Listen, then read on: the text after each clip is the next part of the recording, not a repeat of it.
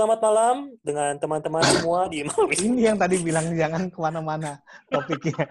Tapi nggak tahan gue kayak radio sonora kita udah ada satu dua tiga.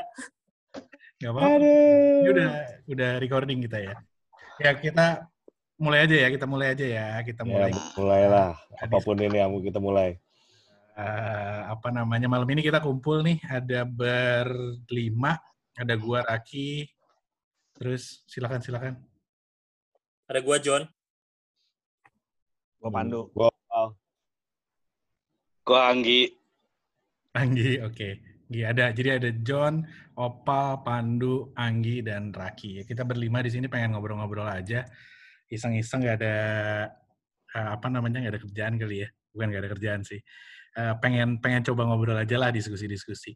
Nah, dari tadi tuh kita berlima ngobrol masalah uh, the new normal ya. Jadi gara-gara ada video yang Pandu share di grup uh, ngomongin bahwa uh, habis ini tuh sebenarnya juga nggak bisa balik baik-baik aja karena dua tahun ke depan atau at least sampai anti anti vaksin antivirus ya apa vaksinasi atas si COVID-19 ini mulai ada, baru deh kita bisa uh, agak normal lagi hidupnya. Jadi kita harus hidup dengan kondisi yang begini gitu, dengan begini, dengan artinya nggak bisa deketan, nggak apa namanya itu ganggu banget. Berisik kali si anjing. Iya, ganggu anjing. Berisik Hah? Suara lu itu deket. Lo kalau buka kantong plastik dari belakang apa? Jangan deket-deket sama speaker. Mikrofon. lah, tidak Ya. profesional nih. Gak apa-apa, gak apa-apa. Nah, kita mau diskusi masalah itu. Nah, gue pengen minta pandangannya teman-teman semua nih. Mungkin gue nggak tahu ya mulai dari siapa. Opal duluan kali ya. Apa sih yang menurut duluan? bakal bakal terjadi gitu dengan kondisi gini? Ya bentar kalau kita lihat ya, prediksinya juga pemerintah bentar lagi udah ngeluarin, udah ngedorong orang udah mulai kerja lagi biar ekonomi mulai bisa gerak lagi. Padahal gue yakin kayaknya sih ya kita berlima ini kan cukup paranoid ya sama kesehatan karena mikirin keluarga di rumah lah dan segala macem gitu. Nah, Opal menurut lu gimana nih, Pal?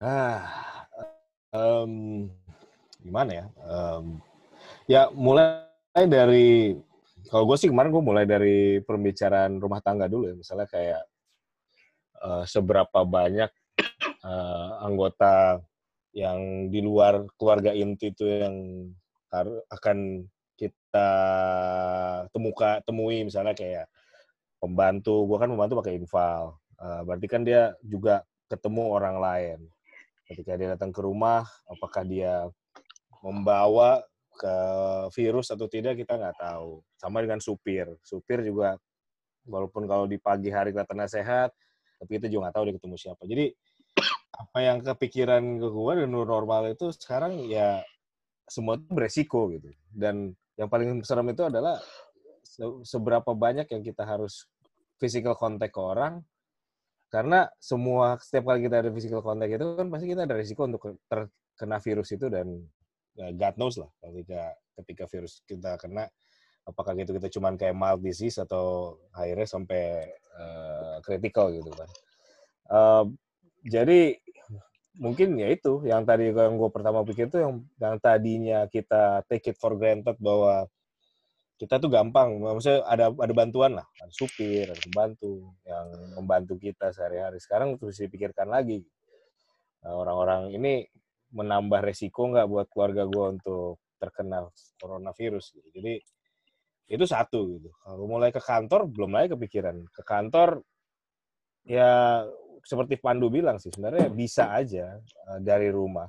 Tapi gue nggak yakin Indonesia siap untuk 100% WFA sepanjang tahun. Jadi pastinya akan ada waktu-waktu kita harus ke kantor.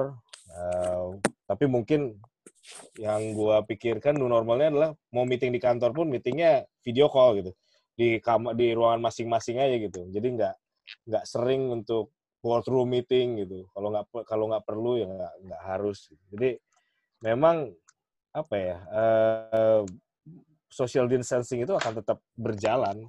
Em, at least untuk gue. Untuk yang lain, gue nggak tahu. Dan itu yang menyebabkan gue apa paranoid kan. Kita sudah mencoba sesebisa mungkin untuk social distancing, mungkin nanti juga. Tapi apakah orang lain iya? Apakah orang di kantor iya? Apakah eh, teman-teman kita iya? Dan apakah orang-orang yang paling dekat ke keluarga kita kayak tadi membantu neni atau sus- eh, atau supir itu juga melakukan hal yang sama? Itu yang membuat gue agak concern tentang apa yang akan terjadi setelah kita keluar dari PSBB ini. Mantap. Tapi ngeri juga ya Pak. Maksudnya kan kalau bicara keluar, kalau bicara jangan kita nih, kita kita sendiri udah cukup paranoid, kita udah jauh-jauhan. Tapi lu nggak tahu kan anak lo sekolah gimana. Betul. Anak kecil itu kan juga nggak gampang tuh ya diatur. Lo nggak tahu Iya. istri lo pas lagi keluar gitu ya ngelakuin aktivitas apa atau kerja atau apa, kita nggak tahu dia gimana. Terus di rumah lo akan ketemu lagi sama mereka. Jadi lo di kantor jaga banget banget, tapi lo nyampe rumah juga sebenarnya masih deg-degan juga kan. Lo nggak tahu tuh mereka aman apa nggak aman gitu. Iya. Benar. Ya mungkin istri gue lebih less risky karena dia kebanyakan di rumah. Anak kalau anak ya we'll never know man. Eh, Kecuali kalau sekolah lu udah mempunyai apa eh, prosedur yang bagus untuk disinfektan semua muridnya sebelum masuk sekolah, tapi I don't think so gitu. Jadi ya deg-degan banget ya emang ya. Hmm. Du gimana Du kasus lo Du?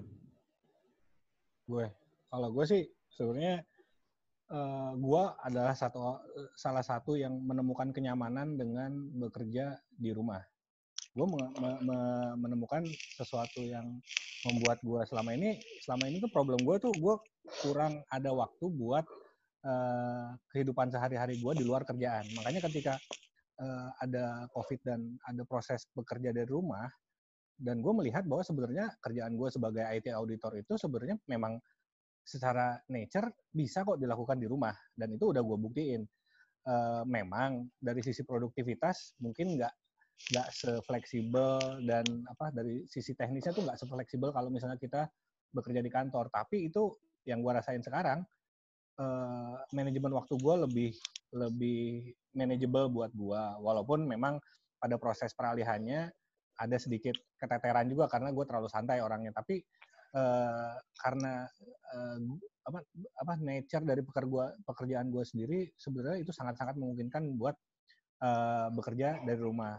Oke itu yang pertama. Nah yang kedua soal kekhawatiran eh, apa eh, terekspos ketika kita keluar rumah artinya apa mungkin memang kalau yang gue lakukan adalah gue mensortir kembali kegiatan mana saja yang memerlukan eh, benar-benar gue harus keluar rumah ke kantor eh, dan juga gue mensorting kegiatan-kegiatan yang bisa dilakukan dari rumah. Artinya apa? Memang gue sendiri sudah memprogramkan kapan eh, eh, waktunya gue harus keluar kantor untuk apa? Misalnya melakukan eh, apa namanya pertukaran data, mengambil data, ber, mewawancara orang di kegiatan audit gue. Tapi selain daripada itu, gue juga udah punya beberapa program yang sebenarnya ya sudah eh, hal ini bisa dilakukan dari rumah. Jadi memang harus gue pilah-pilah itu sih sebenarnya.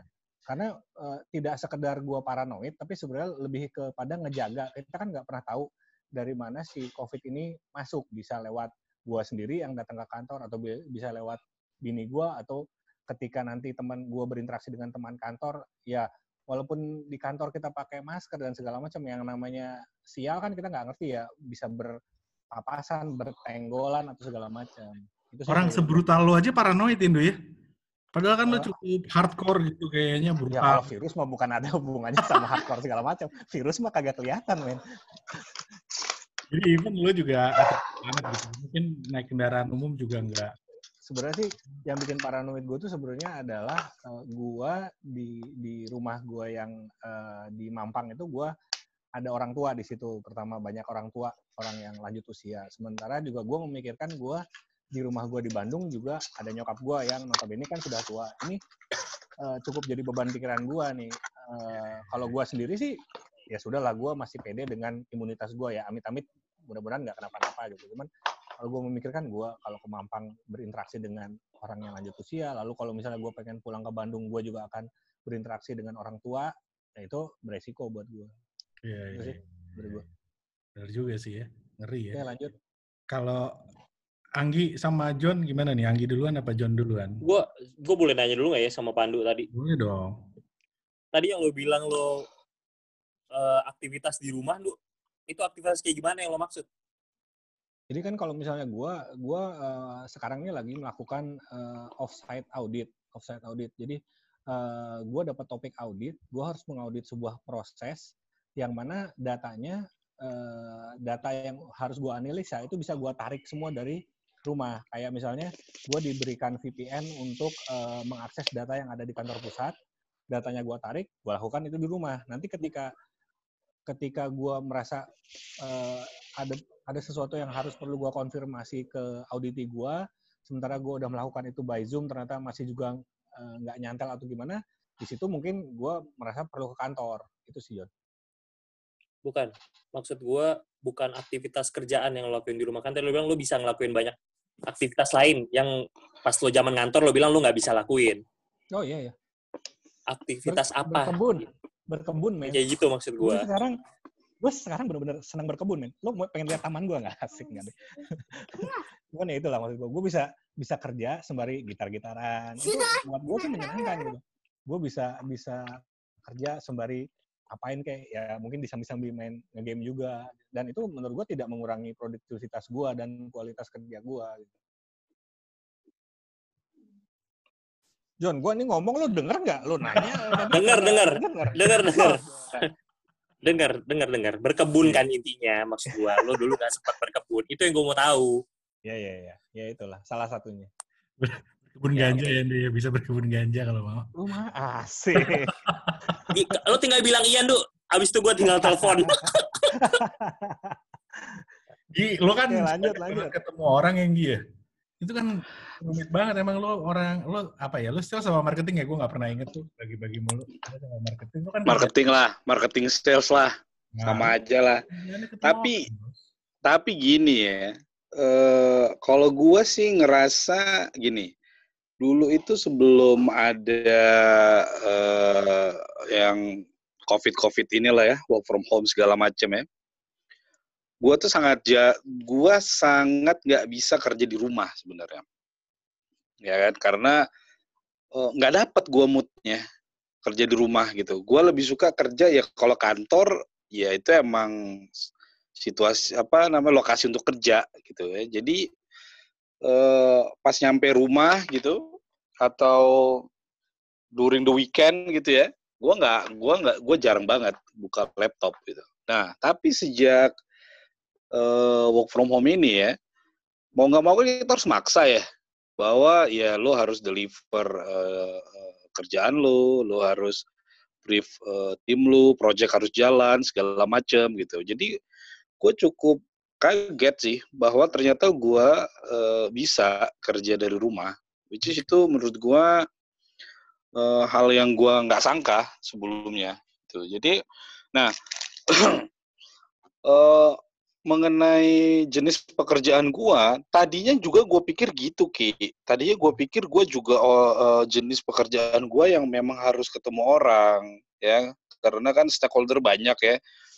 Tapi dengan situasi kayak gini tuh ternyata lewat apa lewat Zoom lah, lewat Webex lah atau apa pun aplikasi-aplikasi kayak gini tuh bisa bisa. Dan gue menikmati gitu. Dan uh, apa apa namanya work from home ini menurut gue kayak gue bayar utang lah ya maksud gue dulu uh, gue berangkat pagi gitu ya kan cuma sebentar ketemu anak terus pulang anak udah pasti tidur gitu. Jadi intensitas uh, sama anak cuma di weekend lah. Itu yang bikin gue jadi kalau udah di rumah nggak mau kerja gitu kan. Nah tapi dengan situasi kayak gini menurut gue sih lebih produktif ya. Artinya kayak gini ya, kayak malam ini aja ya. Uh, sebelum kita zooming ini, gue lagi beresin kerjaan gitu. Tanpa gue ngerasa feeling guilty. Karena uh, sebelum gue mulai kerja lagi tadi jam 7 tadi, gue punya waktu yang cukup pada saat buka puasa tadi gue punya waktu yang cukup buat buat uh, keluarga.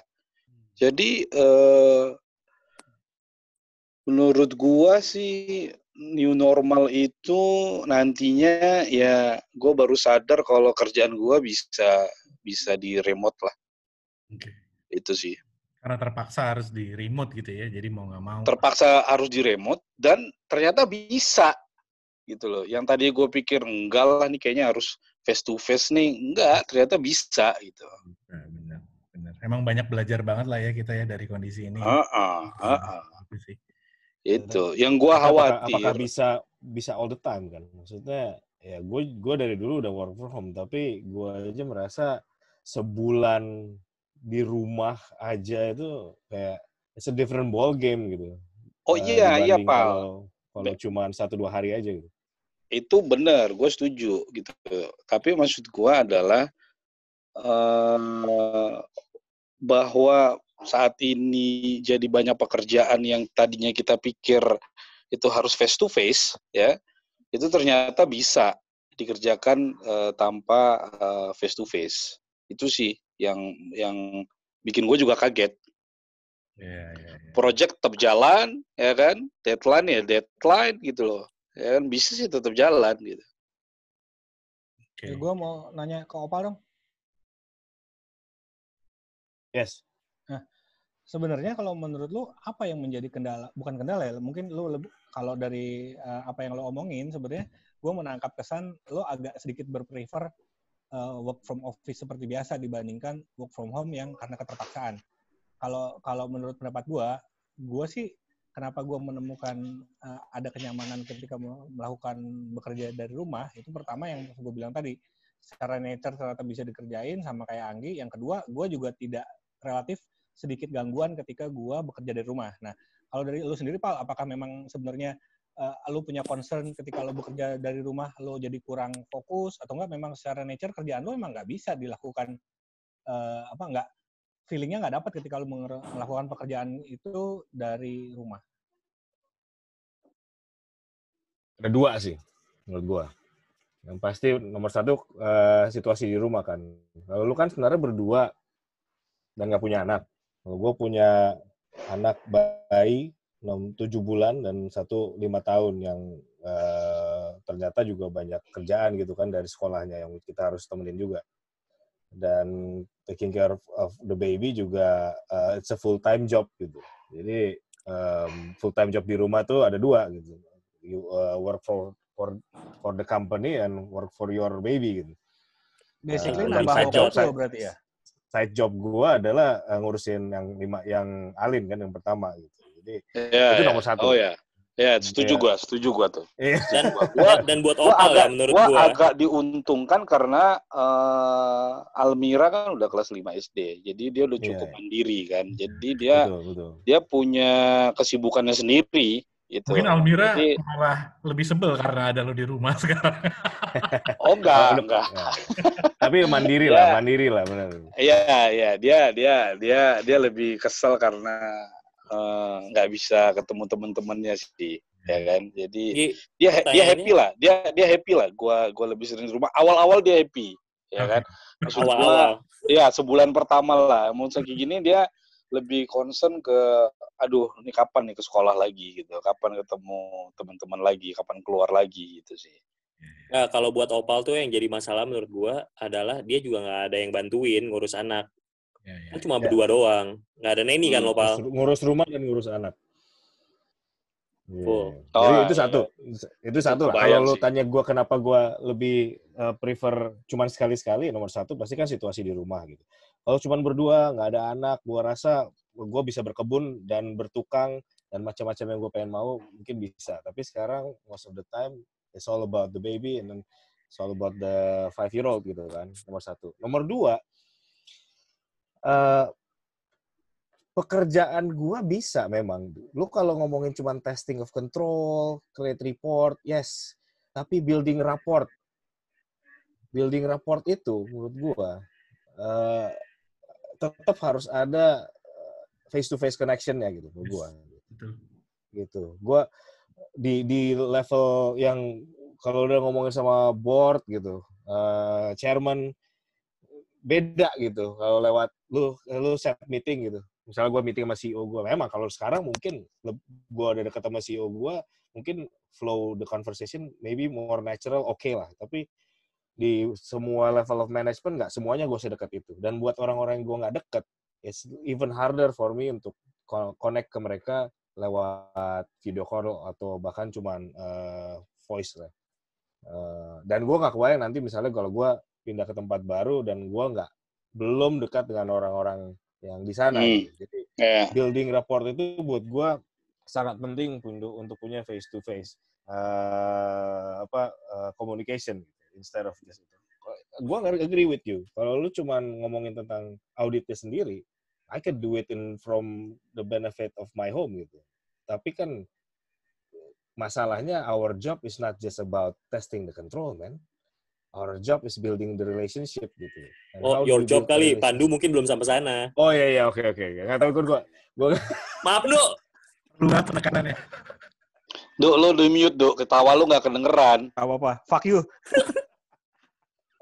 ya jadi kan ketika mau building relationship itu menurut gua agak susah kalau kita nggak punya your uh, your your face to face itu yang dua itulah yang Hmm. gue takutkan Hmm. Waduh, apalagi kalau lu ntar di tempat baru ya. Oh, ya, ya. lu bayangin gue tempat Ya, baru ya, ya, masih ya. tempat baru Ya, kan. Ya, ya, masuk itu. ke dalam board member kan Ya, tiba-tiba gua sama manajemen ini gue gak pernah ketemu Ya, ya. cuman lewat video call doang karena Aduh, kadang-kadang kalau sebagai kebayang orang baru itu eh, eh, eh, makan siang bareng itu itu penting ya. Tuh, penting ngopi Untuk, bareng untuk ngebangun ini. Iya, iya, iya, iya, iya.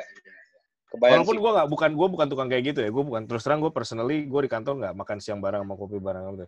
Tapi I think I memang know.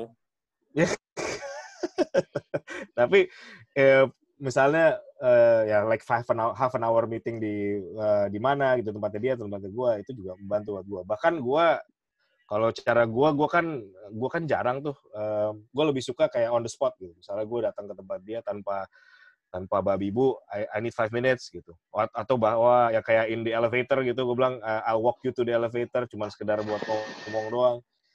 Lu nggak bisa ngelakuin itu on the call, on the phone, on the video, dan lu nggak bisa build supaya lu bisa get into that level of comfortability terhadap orang-orang yang kayak gini dan lu bisa uh, colek, lu bilang I, I I need your five minutes gitu. Hmm. Lu nggak bisa make that connection through video call gitu. Gitu. Itu Ya, yang- nggak bisa memang. Nggak bisa, nggak bisa memang. Ya. Ya, benar. John, lu gimana John? Lu kan kayaknya paling terakhir di antara kita semua WFA ya? Gue bukan paling terakhir, Ki. Gue masih sekarang. Masih. Masih-. Gue seminggu kantor masih dua tiga kali. Gue Oh. nggak pernah berhenti. Jadi mungkin Wah. gue yang penyesuaian nanti kalian masuk itu gue yang paling gampang karena I'm, I'm I already do it right now gitu. Jadi Gue lu nggak pernah berhenti. Gue masih ke kantor. Di kantor tuh juga deg-degan dong ya? Actually gue kayak Pandu sih. Lebih yakin sama imunitas segala macam. Maksud gue kalau kalau orang kantor ada yang kena, I should have it right now. Hmm. Kan gue cerita kan minggu lalu gue rapid test, hasilnya negatif. Tuh, ya maksud gue gue lebih pede. Tapi buat gue pribadi, Hmm, hmm. kalau nanti pas misalnya PSBB emang selesai, terus abis itu eh, bini gue harus ke kantor, anak-anak gue harus eh, sekolah, ya itu different issue. Kalau gue, gue gue eh, share the same opinion sama Opal kalau yang keluar rumah itu harus yang paling aware sama COVID gitu. Jadi gue kalau keluar ya gue emang yang paling jaga banget gitu. Hmm. Semprotan di mana-mana. Pokoknya kalau gue udah keluar pasti handle mobil, setir, semua tas, isi tas itu pasti gue semprot. Hmm, hmm. Begitu sampai rumah gue nggak nyentuh apa-apa, gue langsung hal pertama gue lakuin gue langsung ke kamar mandi, mandi pokoknya gitu. Jadi anak Kalau orang lain- juga lo tahan tuh ya. Jangan peluk kayak dulu gitu. Mandi dulu. Ya, Harus ki. Gue Iya. kalau anak gue pernah nyentuh gue sampai gomelin, Hmm. karena gue nggak mau dia ngulangin lagi. Itu udah bukan paranoid lagi kalau menurut gue itu udah udah protap yang baru. Protap yang baru hidup kita sekarang begitu gitu. Udah Iya. udah bukan karena paranoid lagi sekarang. Ya, ya. Nah iya, Maksud gua, that, that's the new normal. Kalau lu keluar, masuk mandi udah gitu. iya gitu. Dan beneran yang ya kalau di kantor yang gue sentuh ya yang yang gue tahu aja gitu. Hmm. Sama yang Beneran. cantik-cantik. Du- dulu juga nggak gitu sih pak. Lu sentuh apanya, John? Apa yang lu sentuh-sentuh? ya eh, s- ya ke pasar juga kan gue masih ke pasar. Yang ke pasar gue sekarang di di rumah. Hmm. mbak gue juga nggak gue kasih ke pasar. Gue lebih khawatir mereka ke pasar. Eh, yang gue khawatirin ya itu. Anggota keluarga sih. Apalagi orang tua gue yang di Manado ternyata masih ada pesta kawinan. Iya, Kacau iya, banget iya. yang gue yang gue lebih penasaran tuh yang harus kita siapin nanti pas udah psbb tuh apaan ya Oh, Kita Pak, harus yang, pa, yang ya? pasti inilah menurut gua sih sampai satu tahun ke depan masker udah itu udah udah apa ya Udah kayak lu pakai ikat pinggang aja menurut gua. Kalau lu keluar nggak pakai ikat pinggang kan nggak enak rasanya kan. Tuh, gua Eh, dulu gua nih. Hmm. bu- buka, eh, bukan bukan fisikal apa yang harus kita siapin Gi. Maksud gue, ini ke depan ya. eh video yang tadi gue lihat eh, yang di pan- Pandu kasih itu menurut gue sedikit menyentil. Lo harus nggak semua pekerjaan yang sekarang ada itu bakal tetap ada loh. Hmm. Kan bakal ada yang yang nggak dibutuhin gitu. Ya, betul. Eh gue nggak yakin kerjaan yang gue lakuin itu nanti itu masih terus-terusan ada atau enggak sih gitu. Gue perlu siapin skill set apa lagi gitu. Gue yakin corporate finance pasti masih ada sih, Don. Yakin gue itu mah. Di saat lu butuh capital structuring seperti saat ini, kenapa lu merasa kerjaan Iya, paling- menurut gua sih kerjaan kita berlima ini, menurut gua sih masih masih masih dibutuhin sih, menurut gua, ya kan. Belum eh, satu tahun sampai dua tahun ke depan ya, menurut gua sih masih dibutuhin lah. Yang yang yang kal yang gua khawatirin itu adalah misalnya kalau misalnya ini udah lebih dari satu tahun nih, misalnya kayak tadinya board itu ada 11 gitu ya. Nah, kalau dari tahun depan tuh apa iya nih? Masih butuh 11 board Rampingan nih, lah ya. ya kan? Ah, HR sama IT mungkin udah bisa digabung tuh. Mungkin, ya kan? Terus eh, marketing sama sales. Bisa jadi kalau sekarang ada dua atau tiga ya nanti mungkin jadi satu. Jadi menurut gua sih supaya survive yang penting lu siapin diri ya. Eh di antara peersnya lu make sure lu emang selalu ini selalu Unggul. menonjol. Iya selalu menonjol menurut gua. Karena at the end itu yang bikin lu survive. Karena nggak eh, karena at the end nanti kayak misalnya contoh deh ya gua eh, di marketing terus gua pernah di sales segala macam gitu pada saat nanti suatu saat keadaan semakin memburuk dan segala macam perampingan terjadi gitu ya gue harus bisa nunjukin kalau gue bisa manage eh, dua function dan itu harus mulai dari sekarang nih gue siapin gitu. Dulu gua ada ini gua share dikit. Dulu gua zaman gua baru-baru apa namanya mulai kerja tuh ada satu pertanyaan yang bener-bener nge-hit gua sih. Jadi waktu itu ada pertanyaan kalau misalkan si perusahaan harus ngekat 80% dari pegawainya, Eh, apakah lo masih termasuk ke dalam 20% yang tidak dikat atau tidak? nah iya Itu tuh penting banget untuk kita resapi Ya, menurut untungnya gue regulatory required ya. Iya, Untungnya. lu ada Ya. makanya poinnya kan poinnya kan pal poinnya kan pal lu punya eh, sesuatu yang bikin lu jadi aman kan Iya, iya. ya kan terlepas itu bahwa lu punya eh, spesifik skill atau spesifik requirement gitu ya atau apa pun juga tapi itu yang harus kita tunjukin sih tonjolkan menurut gua bener. Tapi gue rasa itu menyimpang ya, maksudnya itu juga akan terjadi with or without corona kan. Itu juga pasti akan terjadi, yakin gue. Tapi Yang mana, mungkin Pal? ap- ini apa Kalau lu nggak job bukan. Ya itu juga mungkin. Cuman salah satu apa pekerjaan kita menghilang gitu. Itu with or without corona itu pasti akan terjadi, cuy. Jadi kenapa lu menjadi takut di saat seperti ini? Sebenarnya kalau menurut gue sih bukan takut sih, Pal. Tapi gini, eh, sebelum adanya COVID, itu kita masih punya long range plan bahwa oke lah pekerjaan gue bakalan hilang, tapi tidak dalam waktu dekat. Sementara dengan adanya corona, semua itu dipush jadi lebih Iya. cepat. Eh, Cuman lebih ke lebih cepat ah, aja ya. lebih Oke. cepat. Nah, efeknya apa nih dengan lebih cepat? Banyak dari kita yang belum antisipasi. Itu sih yang jadi masalah. Oh, eh, ya. Gimana? lanjut dulu lanjut dulu Kresek-kresek Iya, lah, kresek-kresek. oh ya Hilang sinyal dia. Taunya lo bukain apaan lagi? enggak enggak, enggak. lanjut lanjut Kalau kalau gue sih menurut gue sih itu lebih lebih yang yang lebih eh, kerasa itu karena karena ini datang dengan dengan dengan apa dengan lebih cepat dibandingkan yang kita perkirakan. Eh, the problem is kita kita sudah antisipasi atau belum itu aja sih sebenarnya. kalau gua sih ngelihatnya kayak gini lo kan berarti ada dua pilihan ya kan yang pertama adalah lo mulai eh, mempelajari satu hal baru yang kita nggak tahu sampai kapan lu bisa di level yang kerjaan lu sekarang. Ya kan? Versus dengan lu fokus di kerjaan lu sekarang dan make sure lu memang yang paling the best di situ. Ya kan? Ini sama aja kayak misalnya dulu uh, guru SD gue pernah bilang kan, lu nggak apa-apa kalau nanti lu akhirnya jadi tukang beca misalnya.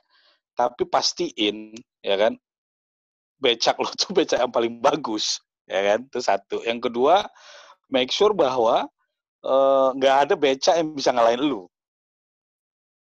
Nah maksud gua ini harus ditimbang sih harus ditimbang ya kan? Apakah lu memilih untuk cari skill baru dan lu pasti butuh waktu untuk bisa survive di situ atau lu uh, mempertajam yang sekarang? Oh, gua rasa ya kalau yang gue paling familiar kan pasti kerjaan dulu ya karena kan kita sama. Hmm. Uh, nomor satu pasti audit akan sedikit banyak efek dengan teknologi misalnya sekarang sekarang teknologi digital transformation dipercepat karena corona AI mungkin RPA robotic process automation juga itu juga di company gue jadi dipercepat tapi ya in the end of the day pasti akan ada tetap IT auditor ya mungkin jadi berkurang benar kata Anggi jadi lu harus hmm. part of that cuman di lain sisi ya lu harus mengerti algoritma lu harus mengerti RPA lu harus mengerti uh, sesuatu yang tadi kita nggak ngerti tadi IT audit yeah. is basically uh, lebih banyak infrastruktur, lebih banyak ya. network. Sekarang Tapi kan artinya AI. pal, uh, artinya kan pal yang lu lakukan adalah hal-hal yang menunjang uh, pekerjaan lu sekarang kan? Iya. Ya kan? Tapi bukan lu bener-bener 180 derajat mulai pekerjaan baru gitu Gue rasa susah lah buat kita untuk 180 persen, uh, 180 derajat mengubah kerjaan baru. Paling benar adalah kita mencari upskill diri kita yang satu-satu berkaitan dengan apa yang kita lakukan sekarang. Yeah. Kalau ada kesempatan untuk pivot, dalam arti ternyata lu mengerjakan uh, ngerjain ini upskilling ini ternyata bisa pivot uh, ke karir yang berbeda, ya good. Tapi itu sesuatu yang berbeda lagi gitu. Sebenarnya kalau Jadi sebenarnya itu that, that's a whole different topic which is kalau gua memang gua yang gua lagi mid career crisis, gua lagi mencoba men mencari tahu gua bisa pivot ke mana setelah ini gitu. Tapi sama that's juga to do with corona. Eh itu app kan nanya tuh udahan atau belum katanya? Belum. Oh iya. Belum, belum. Kasih tahu lah. Raki kalau yang kasih tahu. Tinggal ngetik aja kasih tahu. Bos sekali. Ini salah satu cara meningkatkan skill dan gua harus tetap Kay nomor satu, John. Kayaknya dia nggak tahu caranya sambil zoom sambil nulis WhatsApp sih, gua rasa. Oh, iya. Tahu, tahu. Buktikan Tapi lah. pengen gue pengen lu yang Buktikan lakuin. lah kalau lo tahu. Udah lah, biarin aja. App kan nggak usah join sedikit aja. Nggak tahu dia. Ya, menarik sih ya bahasannya. Maksud gue. Balik lagi ke menarik. yang Opal bilang, kalau menurut gue sih yeah. apa perlu, ya gue nggak tahu ya kalau kepentingan Opal atau kebutuhan Opal adalah uh, uh, pivot. Kalau gue sih tidak memandang, uh, gue ya, gue pribadi tidak memandang itu sebagai pivot itu sebagai sesuatu yang gue butuhin. Yang gue butuhin sekarang adalah uh, gue udah on track dengan karir gue sekarang dan gue sudah mulai menemukan kenyamanan di situ bukan bukan gue menolak karena ada zona nyaman. Tapi gue lebih lebih ke yang Anggi bilang tadi. Kalau misalnya sel, se, apa, selain dari uh, skill atau pekerjaan yang sudah gue jalani sekarang gue tuh sebenarnya masih punya potensi di di bidang lain nggak ya? Mana tahu ini bisa jadi nilai tambah tersendiri atau mungkin uh, apa, uh, apa kerjaan lain-lain tambahan seseran ataupun segala macam. Makanya tadi ketika kalian lagi ngomongin soal uh, podcast lah atau uh, vlog di YouTube dan segala macam, gue tuh sempat berpikir ini ke depannya harusnya kan memang sudah banyak yang menjadikan ini sebagai uh, main job, tapi masa sih ini nggak bisa jadi sasaran juga gitu. Itu sih kalau yang gue pikir. FK, FK, FK. Halo. Recording buat apaan? Hah? Recording buat apaan? Ke ini kita lagi serius nih, mending lo tiga menit perhatiin kita dulu deh. ya. Terus Eh, lu kalau lu baru masuk Kalau-. Lu ngerasa lu bisa ngikutin, lu masuk. Tapi kalau enggak lu diem aja. Waktunya soalnya udah dibatasin tinggal lima menit lagi, Gong. Nah, Heeh. Hmm. heeh. Ini zoomnya gratisan ya?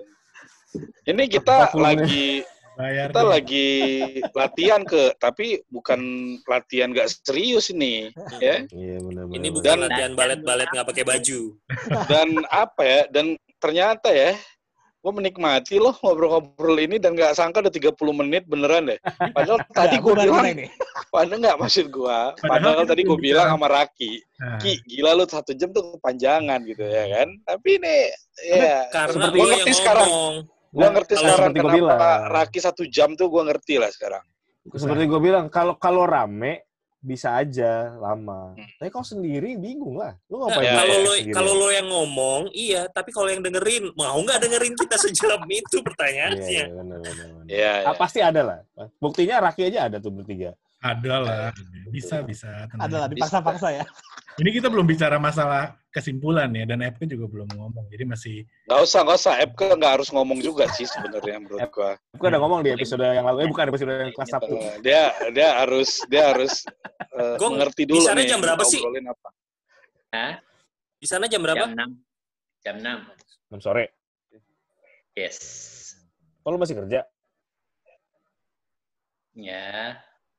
Ntar lagi. Tuh kan? Dan sejak si Epke masuk kita jadi gak serius. Ya. Lah. Kita.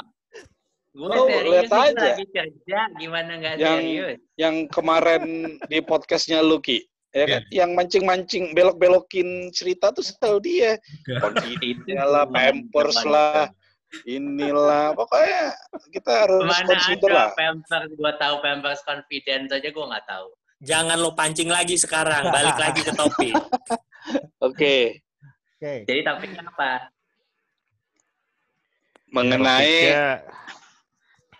Pada Ini ada ya. mengenai oh ini udah udah bercabang-cabang emang ini. Nggak, biar Raki aja, biar Raki. Raki aja Ya. yang ngarahin. Oh ya, gua gua gua kalau nggak ngelit tuh gimana gitu ya. Ya. Banget. kampret. Makanya pakai buka-buka makanan segala kan dari tadi. Makan, mau apa Dia ya. mau dia dia ini post power syndrome dia. Kenapa bukan gue yang mulai ya? Nah, Kayaknya harus mau cuma ada satu alfa duluan. di di pembicaraan seperti ini cuma boleh ada satu alfa.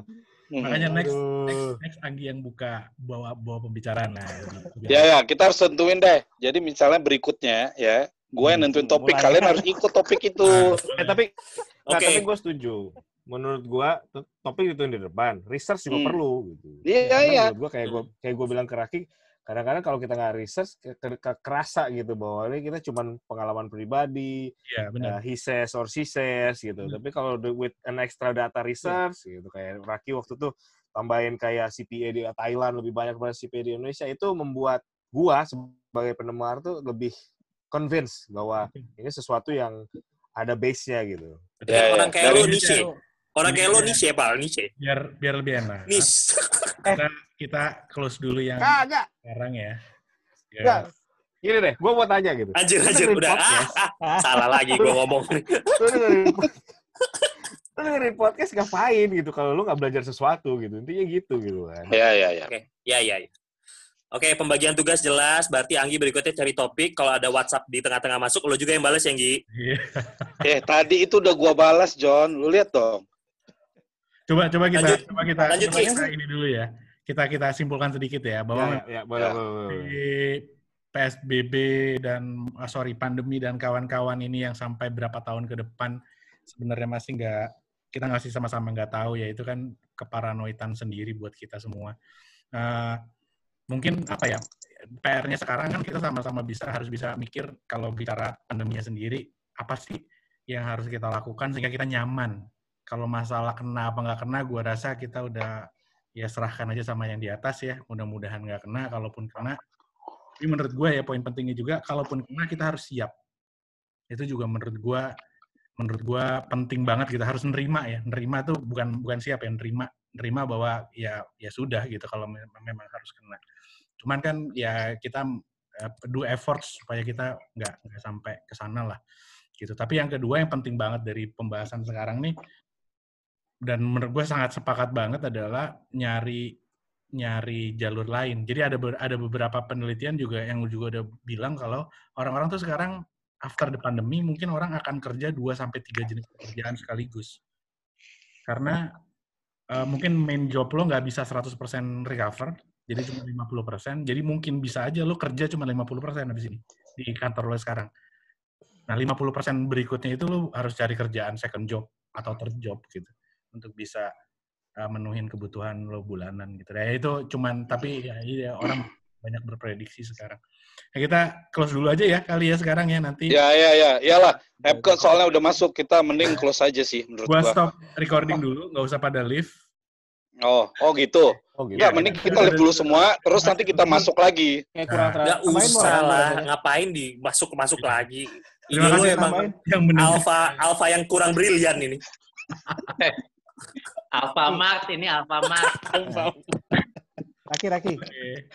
Thank Oke you. Ki, close.